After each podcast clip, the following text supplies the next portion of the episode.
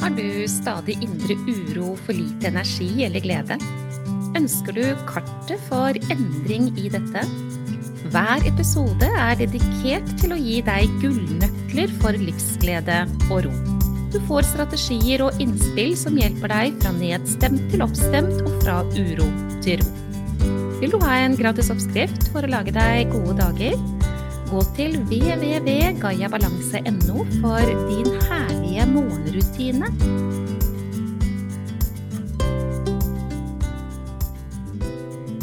Denne episoden skal handle om det faktum at når noen mennesker har gått på en smell, vil si har symptomer på det som kommer, altså langvarig negativt stress gir smerte gir utmattelse, gir håpløshet, gir sensitivitet, gir nærtagenhet, gir veldig, veldig mye. Betennelser og dårlig søvn, og det gir så mye, og det har jeg snakket mye om i disse episodene. Og denne episoden her skal handle om det faktum av å ha kommet dit, for så å få beskjed om kan du ikke bare ta deg sammen, da?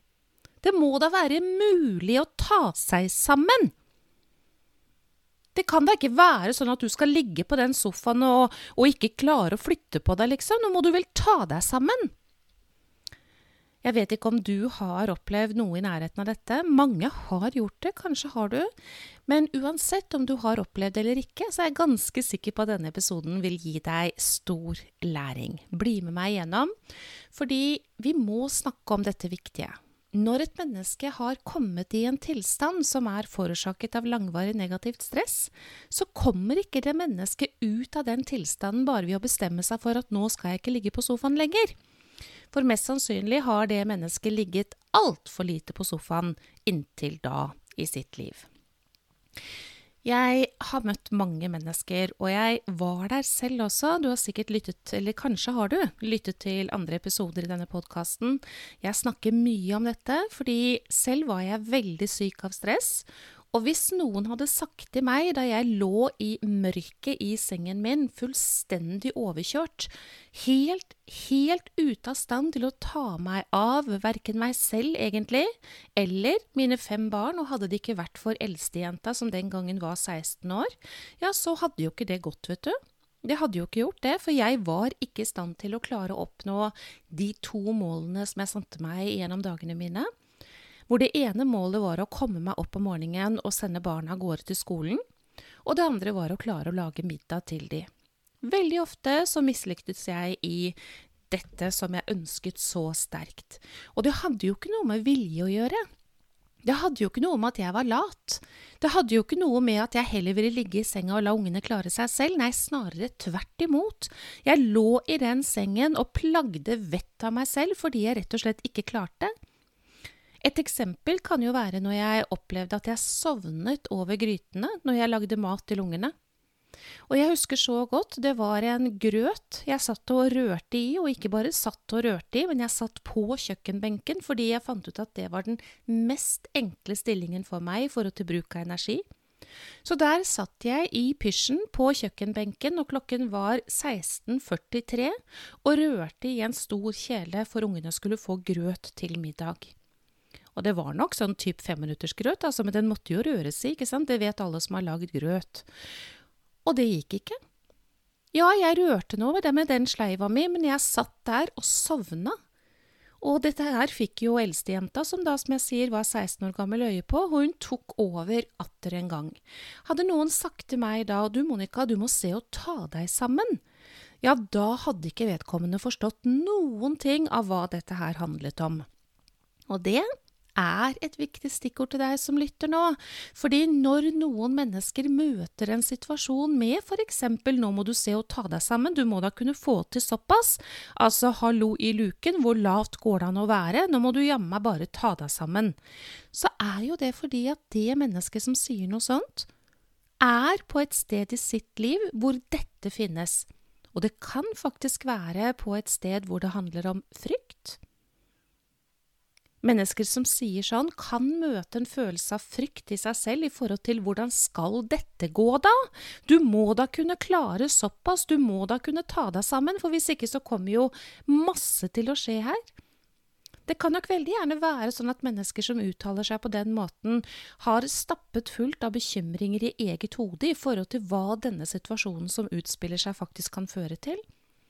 Ikke minst alt det arbeidet som nå kommer til å falle på meg når du ikke får til noe som helst. Det er mange mekanismer, men jeg kan i hvert fall love deg det, at uh, veldig mange av de menneskene som jeg har fått lov å hjelpe, og får lov til daglig å hjelpe, det er mennesker som har kjørt så lenge over seg selv, hatt dette langvarige negative stresset som har gitt fullstendig utmattelse.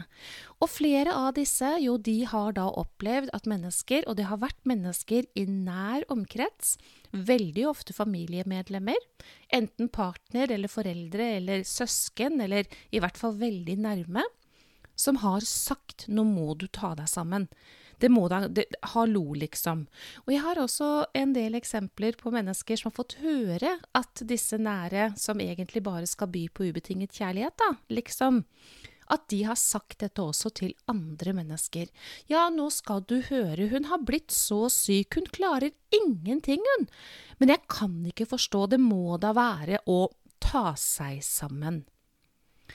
Du kjære lytter, nå slo det meg at det kan jo hende at du har vært eller er en av de som har sagt dette også på vegne av noen andre. Fordi det kan jo fremstå som så fryktelig lat, ikke sant? Altså, hallo i luken, hvor lat går det an å bli? Men jeg kan fortelle deg det at i den tilstanden der er det ikke mulig å manøvrere frem noe som helst.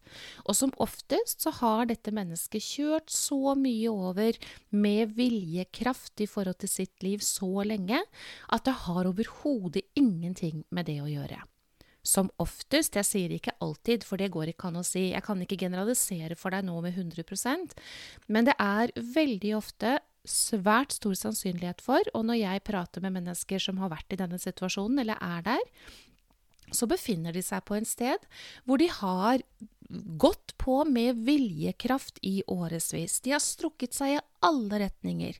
De har prestert og de har perfeksjonert. De har båret og løftet og vært ja-mennesker. De har holdt det gående med people pleasing. De har kontrollert, kontrollert, og de har ofte også vært konfliktskye. De har kjørt over seg selv i så mange år, og vet du hva? Det er oppskriften for å komme dit hvor man faktisk ikke klarer å kjøre over seg selv lenger. Og hvorfor? Jo, det er fordi at det må skje en endring i deres liv.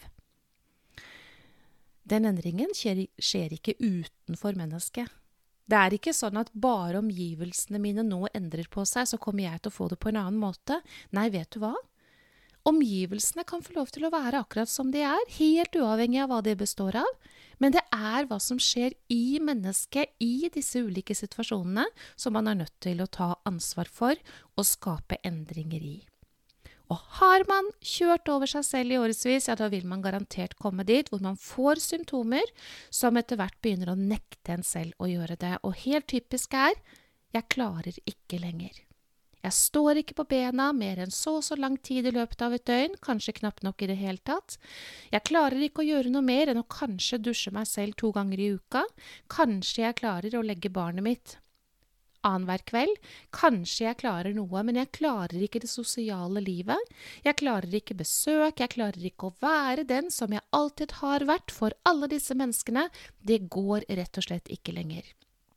Nei, og det er fordi man skal skape endringer, og da er man nødt til å skape endringer i hva som er årsaken til at man har kjørt over seg selv i alle disse år.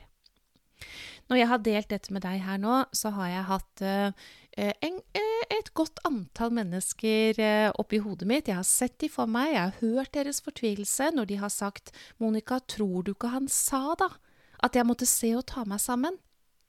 Og akkurat det mennesket som har vært mest framme i tankene mine nå underveis, som jeg har snakket om dette her, det er et menneske som opplevde dette fra sin egen bror. Men når vi fikk snakket litt om det, så ble det faktisk veldig tydelig at bror, han ble livredd for søsteren sin. Han ble livredd for hvordan det skulle gå med henne, dette positive mennesket, dette mennesket som hadde løftet hele familien i årevis.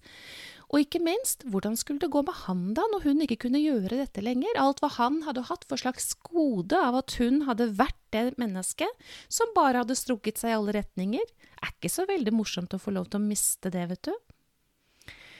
Når hun så helheten i dette her, så forsvant, eller i hvert fall så begynte den følelsen, denne voldsomt kraftfulle følelsen som hun fikk etablert i seg selv når han sa dette til henne, den begynte å endre karakter. Og etter hvert så var ikke dette vondt for henne lenger, fordi hun forsto hvordan ting hang sammen.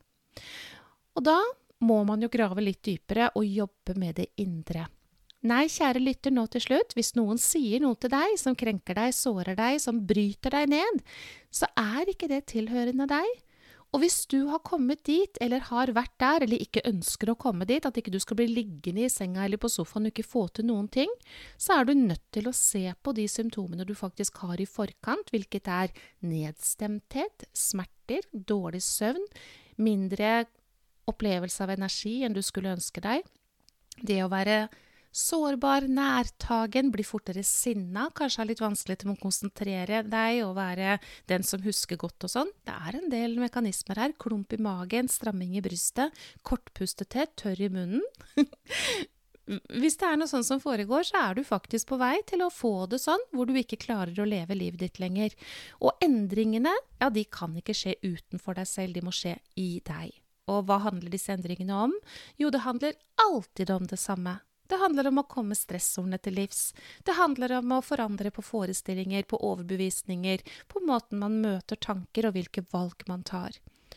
Og hvis valgene du tar er ut ifra en tilstand hvor du står i sannhet om at du har 100% verdi, ja, da er du på rett vei. Jeg håper at denne episoden har kunnet gi deg noe. Jeg har eh, en stor tro på det. Og så håper jeg også at du tar imot gaven jeg har laget til deg. Din herlige morgenrutine er selvsagt en brikke i dette puslespillet som vi trenger alle sammen. Og den får du på www.gayabalanse.no.